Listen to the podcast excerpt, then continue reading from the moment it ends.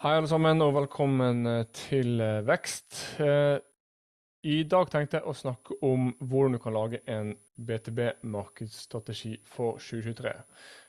Nå er vi i september, slutten av høsten. Eller starten på høsten, mener jeg. 2023 nærmer seg. Mange jobber nå eller har begynt å tenke på det å lage en markedsstrategi for neste år. Mange som ønsker en strategi, som kanskje ikke har hatt en strategi før de har gjerne ikke noe systematikk rundt markedsføringen. Og noen av dere har kanskje eh, mange gode eh, referanser. Så jeg får mange henvendelser fra eh, si, Jungeltelegrafen. Kanskje jeg jobber mye med oppsøkende salg, men jeg kunne tenkt deg å få flere innkommende varmehenvendelser via eh, digitale kanaler. Fordi at selvfølgelig en kjøper som tar kontakt med deg via nettsiden, er gjerne nærmere et kjøp, nærmere å velge en leverandør. Så i dag tenkte jeg å snakke litt om hvordan du kan sette markedsføringen i system. Eh, det du kommer til å se sannsynligvis, er at mange byråer og teknologiselskaper kommer til å komme med en rekke spådommer og artikler om hva som kommer til å være viktig å fokusere på eh, neste år. Og Litt av problemet med mange av disse spådommene er at enten er det helt åpenbare ting, at folk skriver at innholdsmarkedsføring blir viktigere, video blir viktigere. Og dette er ting som er, eh, bør være ganske åpenbart. Og så er det også en del spådommer som sier eh, ting som egentlig ikke har noe relevans, som er bare for fjernt for de fleste BTB-selskaper å implementere. Og da snakker vi om kunstig intelligens, eh, metaverse, man snakker om bærekraft og stemmesøk og virtual reality og um, augmented reality osv. osv. Mange av disse tingene er kanskje uh, viktige og interessante, men veldig ofte er det litt for fjernt for mange BTB-selskaper å faktisk kunne ta handling på. Men det som jeg vil anbefale for deg å fokusere på, er å fokusere på det som ikke endrer seg. For det er veldig konkrete ting som smarte BTB-selskaper alltid har gjort for å skape vekst. Uh, og dette er noe som, altså det jeg skal snakke om i dag, det er noe som kan brukes for å skape vekst i 2023, men også i 2024 og 2035. Uh, vi har noen veldig si, sentrale ting som er helt essensielle i en BTB-markedsstrategi. Altså det er snakk om målgruppe, hvordan du differensierer deg fra konkurrenter, kanalvalg, eh, hvordan dine kunder kjøper fra deg, innhold og den type ting. For å være helt konkret så er det å analysere dagens situasjon. Det er markedssegmentering. Det er intervjue dine beste kunder. Det er å bygge lister over de selskapene som har høyest, eller potensielt kan få høyest verdi av eh, din tjeneste eller ditt, ditt, produkt. Det er å kartlegge hva som skal være innholdsstrategien, altså hvilket innhold skal du produsere, og det å gruppere det innholdet i kampanjer. Deretter er det å ha en kvartalsvis markedsplan. Hvilke taktikker skal implementeres når. Og så er det budsjett og teknologivalg, og så veldig viktig til slutt måling og rapportering. Så en, en markedsstrategi det handler om hvilke aktiviteter og tiltak som du skal bruke for å tiltrekke potensielle kunder. Utdanne dem om det eh, problemet de har og løsningen din, og få dem til å bli interessert i ditt produkt eller din tjeneste. Det er også veldig viktig å forstå hvilke markedssegmenter som er mest verdifulle, og hva som beskriver kjøpergruppen. Altså hva er de personene som kjøper av deg, eh, og hva er det som får dem til å kjøpe? Hvem er det som er blokkere i den kjøpsprosessen? Og hvordan kan du håndtere de ulike spørsmål og innvendingene som de har i sin kjøpsprosess for at de skal velge deg. Eh, så har du en felles plan for salg og marked, og der de er enige om hvilke aktiviteter de skal gjennomføre mot hvilken målgruppe, eh, og hva konkret man skal gjøre for å, for å bevege de fra å være anonyme potensielle kunder til å være eh, eh betalekunder. Eh, så har du så klart en felles rapport som er koblet opp mot om, omsetning, slik at selv om du har en lang salgsprosess, så har du det veldig tydelig for, deg, for både salg og marked hvilke tiltak som faktisk leder til omsetning, og at jeg får veldig tydelig oversikt over eh, hva er avkastningen på den investeringen i markedsføring som dere har eh, gjort. Eh, svart på hvitt. Har dere brukt X, har vi fått Y tilbake. Eh, og at man har gode nøkkeltall å se på for å, for å måle effekten av markedsstrategien. Og hvis du har en klar markedsstrategi fra starten av året, så blir det å gjennomføre langt mye enklere. Jeg vil si at Strategi er ofte, eh, kan være veldig rotete og en vanskelig prosess til å begynne med, men når man har laget en klar plan, så blir det veldig tydelig for alle som skal bidra med den markedsføringen, på akkurat hva man skal gjøre for å nå de målene man har satt seg. Så hvordan skal du gi, lage en BTB-markedsføringsstrategi? Det første du gjør, er at du gjør en analyse av dagens situasjon. Hvor er vi, og hvor skal vi, rett og slett. Så det man gjerne begynner med, er omsetningsmålet og jobbe seg bakover. Eh, og da kan du begynne å få en forståelse av hvor mange salgsmuligheter vi trenger. Hvor mange salgskvalifiserte leads eller henvendelser, som vi ofte fornorsker det til. Eh, hvor mye besøkende vi trenger. Eh, og hva er de svakeste delene i vår salgs- og markedsføringsprosess. Hvor er manglene? Så du vil gjerne se på historiske tall. Hva er konverteringsrater mellom disse ulike stegene i markedsførings- og salgsprosessen? Eh, og da kan du regne ut sånn cirka hvor mange salgsmuligheter og, og, og potensielle avtaler du trenger for å nå det målet. Så har vi markedssegmentering, som er kanskje en av de viktigste tingene i BTB-markedsføring generelt. Og innenfor BTB er det jo slik at det er ikke slik at flere leads og møter betyr flere kunder nødvendigvis. Ulike markedssegmenter kan ha veldig ulike mål og grunner til å kjøpe. Noen markedssegmenter vil være langt mer lønnsomme enn andre. Det er enklere å selge til, enklere å komme til eh, komme i kontakt med en beslutningstaker. Selve salgsprosessen er kortere. Eh, altså noen markedssegmenter kan være 5-10-20 ganger enklere og bedre å jobbe med på alle mulige måter. Så hvis du f.eks. har et produkt som du kan både selge til offentlige og private selskaper, så er det kanskje enklere å selge til private selskaper i visse bransjer. Kanskje det er færre beslutningstagere og kortere eh, saksprosesser. Eh, kontra det at du må legge ut eh, og du må delta i et anbud med syv andre aktører. ikke sant? Så målet med markedssegmentering er egentlig bare å identifisere de beste markedssegmentene som tro, du tror kan være aktuelle eh, når det kommer til å kjøpe ditt produkt eller din tjeneste, og så prioritere de høyest når du markedsfører. Så når det kommer til f.eks. sånn rent taktisk ting, hvilket innhold du skal produsere. Hvis du skal tiltrekke CFO-er, så er det ofte bedre med en snever målgruppe. Fordi hva er mer interessant for en la oss en CFO, hvis målgruppen din er en CFO? Eh, da kan du ha et webinar som, som, handler om hva beskriver en god CFO. Det er veldig generisk eh, og lite målrettet.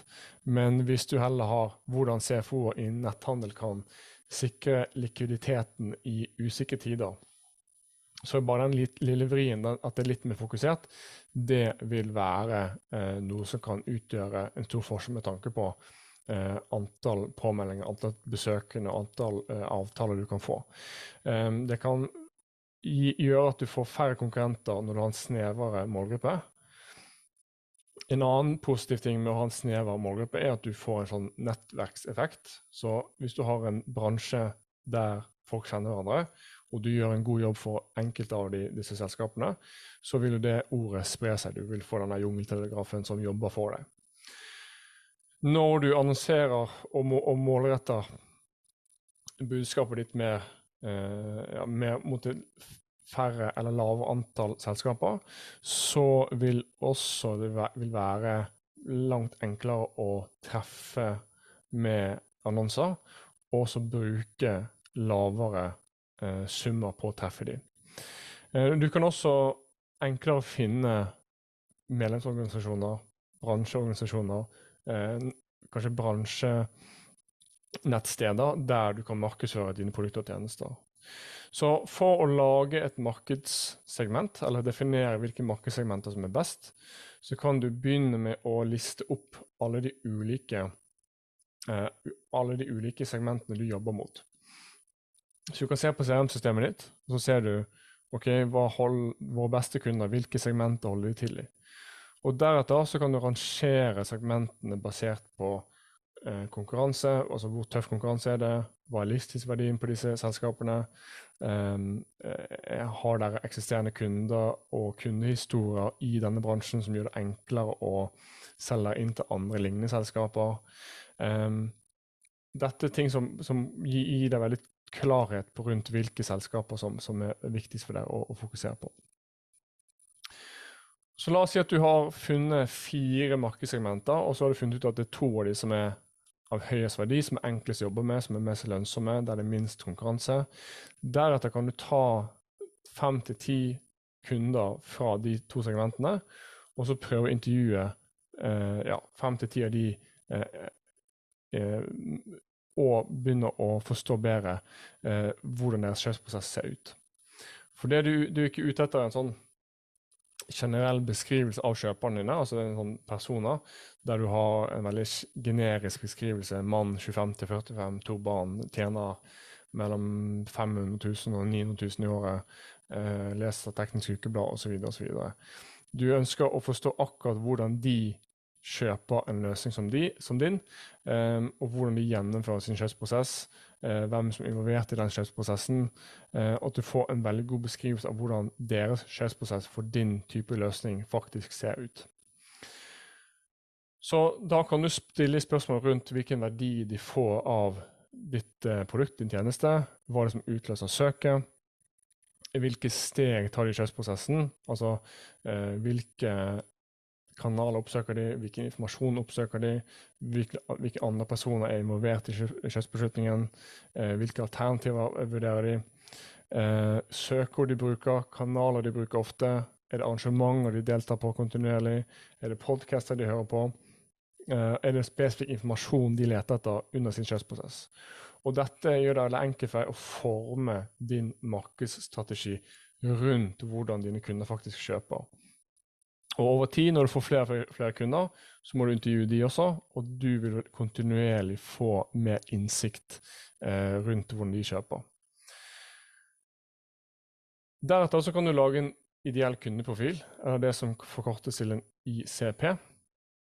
Og da prøver du å lage en profil på de fem til ti beste kundene i hvert markedssegment.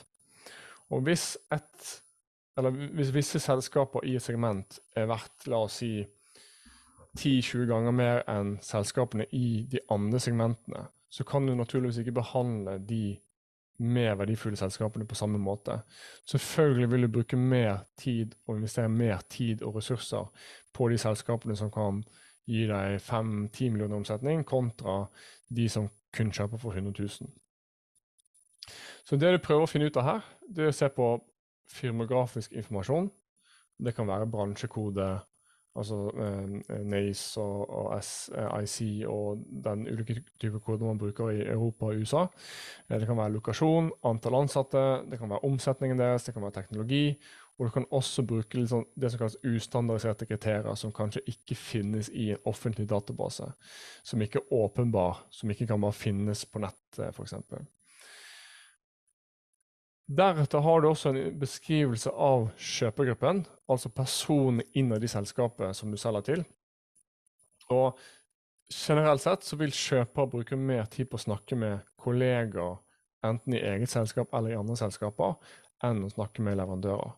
Og Derfor må du involvere flere personer, ikke bare beslutningstakerne. Så du har jo gjerne ambassadørene, som er de som tar kontakt først, som undersøker, som tar kontakt med deg de er veldig positive til din løsning. De deler informasjon eh, med deg som kanskje hjelper deg å ta salget videre. De kan gi deg litt ytterligere kontekst rundt hva de ulike andre personene i salgsprosessen er opptatt av. Så er det beslutningstagere. Det er jo de som tar den endelige beslutningen. Det vil jo gjerne være CFO, CEO osv. Påvirker vil jo gjerne være personer som ikke har eh, beslutningsmakt, men vi alle vet jo at uh, an, ulike ansatte har jo veldig stor påvirkningsmakt uh, med tanke på at de vil kanskje bruke et spesifikt system. Uh, la oss si at du har et, et, industribygg der, de, der du skal implementere en ny løsning der det er snakk om jobb, trivsel på jobb. ikke sant? Uh, er det tiltak som skal øke trivsel på jobb? Det vil de kanskje ha uh, en, en, sterk mening om. så du har personer som ikke kan ta en beslutning, men som har veldig stor, som har stor innvirkning på beslutningstakerne. Så du blokker det er da de som er mot din løsning, kanskje de som ser det som en trussel eh, mot seg selv og sin egen stilling. Og når du kartlegger hvilke, hvordan kjøpegruppen hvordan ser ut, da begynner du å få forståelse for de ulike spørsmål og innvendingene de ulike personene uh, som personer du må få si, buy-in fra. Um, hva som må besvares, hvilke, hvilke, svar på innvendinger må du ha uh, i ditt innhold, i dine saksprestasjoner osv. for at de, skal, at de skal gå for din løsning. Deretter så har du det å bygge en liste over selskaper og segmentere disse på verdi. Så når du har laget denne ICP-en, denne kundeprofilen, så kan du analysere kundedatabasen og, og, og, og se på ok, konkret hva, eh, hva kjennetegner, hva beskriver de selskapene som vi ønsker å treffe. Og så kan du bruke den firmografiske informasjonen til å bygge en liste over navngitte selskaper. Så du kan segmentere inn i ulike nivåer basert på hva som er mest verdifullt. Så du må ha veldig klare skiller og kriterier for OK, disse mest verdifulle selskapene, kanskje det er 10-20 selskaper, um, hva er skillet? Altså er det, er det en viss omsetning? Er det en viss um, størrelse med tanke på antall ansatte?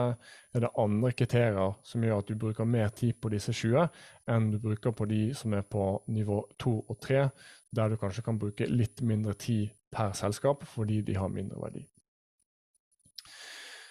Deretter så planlegger du innholdet og kampanjene. Så nå forstår du selskapene du skal markedsføre mot, og personer du skal markedsføre mot, og hva disse personene er opptatt av. Så du skal planlegge innhold og kampanjer basert på intervjuer med innspill både fra deg og, og kanskje spesielt selgere som har mye innsikt rundt hva kjøper er opptatt av, men også intervjuene fra kundene.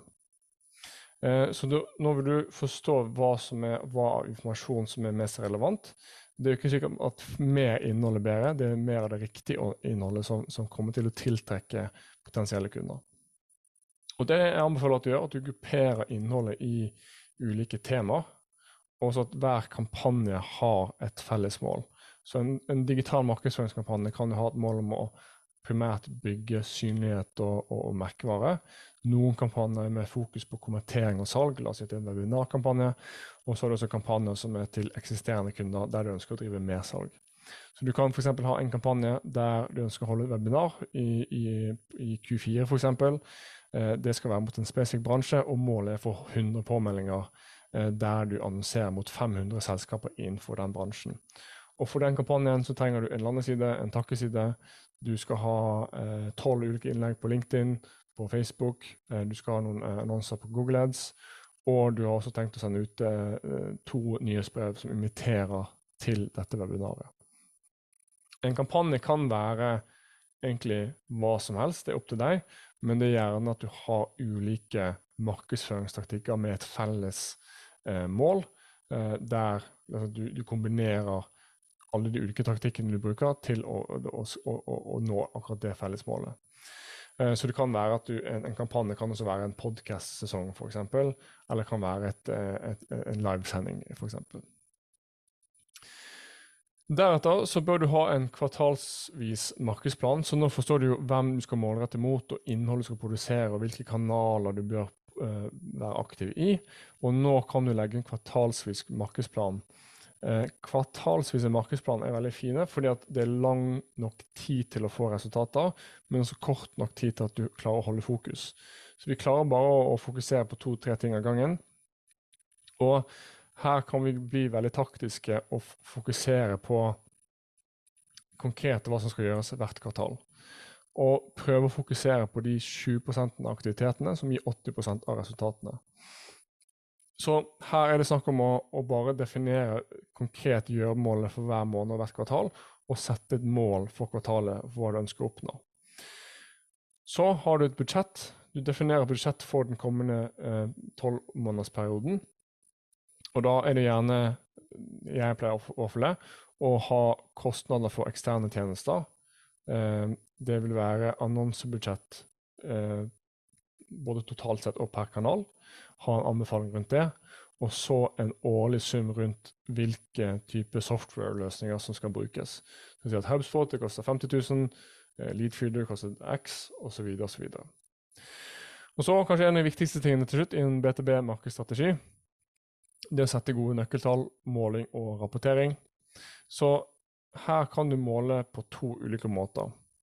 Så ledere, en CFO, en CEO, de bryr seg ikke så veldig mye om klikk, bounce rate, eh, visninger og den type ting. Men de bryr seg om omsetning og, og, og hvor mye avka avkastningen på jobben du har gjort. Så for deg som markedsfører så kan du selvfølgelig måle på kampanjenivå. Så på kampanjenivå så kan du si at ok, denne kampanjen hadde et mål om å gjøre oss mer synlige eh, og få mer eh, bygge merkevarer innenfor disse 500 selskapene vi har definert. Så da kan du selvfølgelig måle trafikk, klikk og den type ting. Og så er målet egentlig bare at flest mulig personer innenfor din målgruppe skal komme inn på nettsiden, konsumere informasjonen på kanskje det er produktsiden, eh, tjenestesiden, prissiden. Og du ønsker bare at de skal konsumere informasjon. Det er ikke et mål for deg å nødvendigvis skape en konvertering. Men så må du så ha mål som du kan kommunisere til ledelsen. Og da bør du måle på antall henvendelser, det som også kalles salgskvalifiserte leads. Hvor mange har kommet inn til nettsiden og bedt om en forespørsel. Har de bedt om en demo, tilbud, pris, snakk med salg, eh, gratis prøveversjon? Hvor mange personer fra selskapene du definerte i, på det tidligere steget, hvor mange de har kommet inn på nettsiden, og tatt den handlingen. Deretter så må du se på antallet av disse som eh, er kvalifisert, og som deretter blir om til en potensiell avtale, der du har en sum assosiert med eh, det selskapet og den personen. da kan du si at ok, vi har eh, fått inn sju henvendelser. 50% av de har blitt til eh, Vi har kommet inn i en lengre saksprosess. Vi har da 10 millioner i potensielle avtaler, og så må du se på hvor mange prosent av de kommenterer til salg. Da sier jeg at kanskje 7-30 der bør det være. At du da klarer å generere 10 millioner i potensielle avtaler. Du lukker 30% Du har lukket da eh, 3 millioner i omsetning det kvartalet. Så Det er egentlig kort oppsummert hvordan du kan eh, lage en BTB-markedsstrategi. En eh, kjapp gjennomgang på, på alle de punktene. Altså du analyserer dagens situasjon du segmenterer de markedssegmentene som er viktigst for deg. Du intervjuer dine beste kunder. Deretter så bygger du lister over de selskapene du ønsker å nå ut til, og som og du ønsker å tiltrekke og vinne som kunder. Du planlegger innholdsstrategien og kampanjene som skal enten tiltrekke, kommentere og lukke disse uh, selskapene og kontaktene. Uh, og så bygger du ut og lager en strukturert plan per kvartal for å se hva skal du gjøre og når, rett og slett hvilke kampanjer skal lanseres når. Så har du et budsjett for eh, annonser, eksterne tjenester og teknologi. Og så sørger du for at du har eh, gode eh, og felles nøkkeltall mellom marked og salg, der dere ser på både kampanjenivå, hvordan en enkelt kampanje presterer, der det er litt mer myke tall og forfengelighetstall, som kanskje noen vil si. Og så har du de forretningskritiske tallene, som er, som er omsetning, salgskvalifiserte henvendelser, forespørsler, eh, potensielle avtaler og den type ting. Så hvis du gjør det, hvis du gjør den jobben med å, å, å, å planlegge alle disse punktene, så vil du ha en veldig klar og tydelig plan for hva du, kan, uh, hva du ønsker å oppnå for et år. Og da blir det å gjennomføre og oppnå den, den målsetningen mye enklere. For dette, uh, dette, er veldig grunnleggende ting som ikke kommer til å endre, endre på seg. Uh, det er en prosess du kan bruke igjen og igjen. og jeg er sikker på at hvis du bare gjør disse punktene, og det, en, det, det vil ta litt arbeid, og, og, det er spesielt mye jobb å intervjue kunder og den type ting, men det er absolutt verdt det, for da vil din markedsstrategi bli langt mer fokusert. Du vil uh, bruke mindre penger, men du vil treffe de riktige selskapene, og da vil du igjen få flere innkommende henvendelser fra riktig type selskaper, som igjen vil lede til uh, økt omsetning. Så veldig, veldig uh, viktig at man begynner med en klar strategi før man hopper rett på taktikkene. Eh, så håper det var hjelpsomt. Takk for at du hørte på, og så ses vi, eller høres vi neste uke.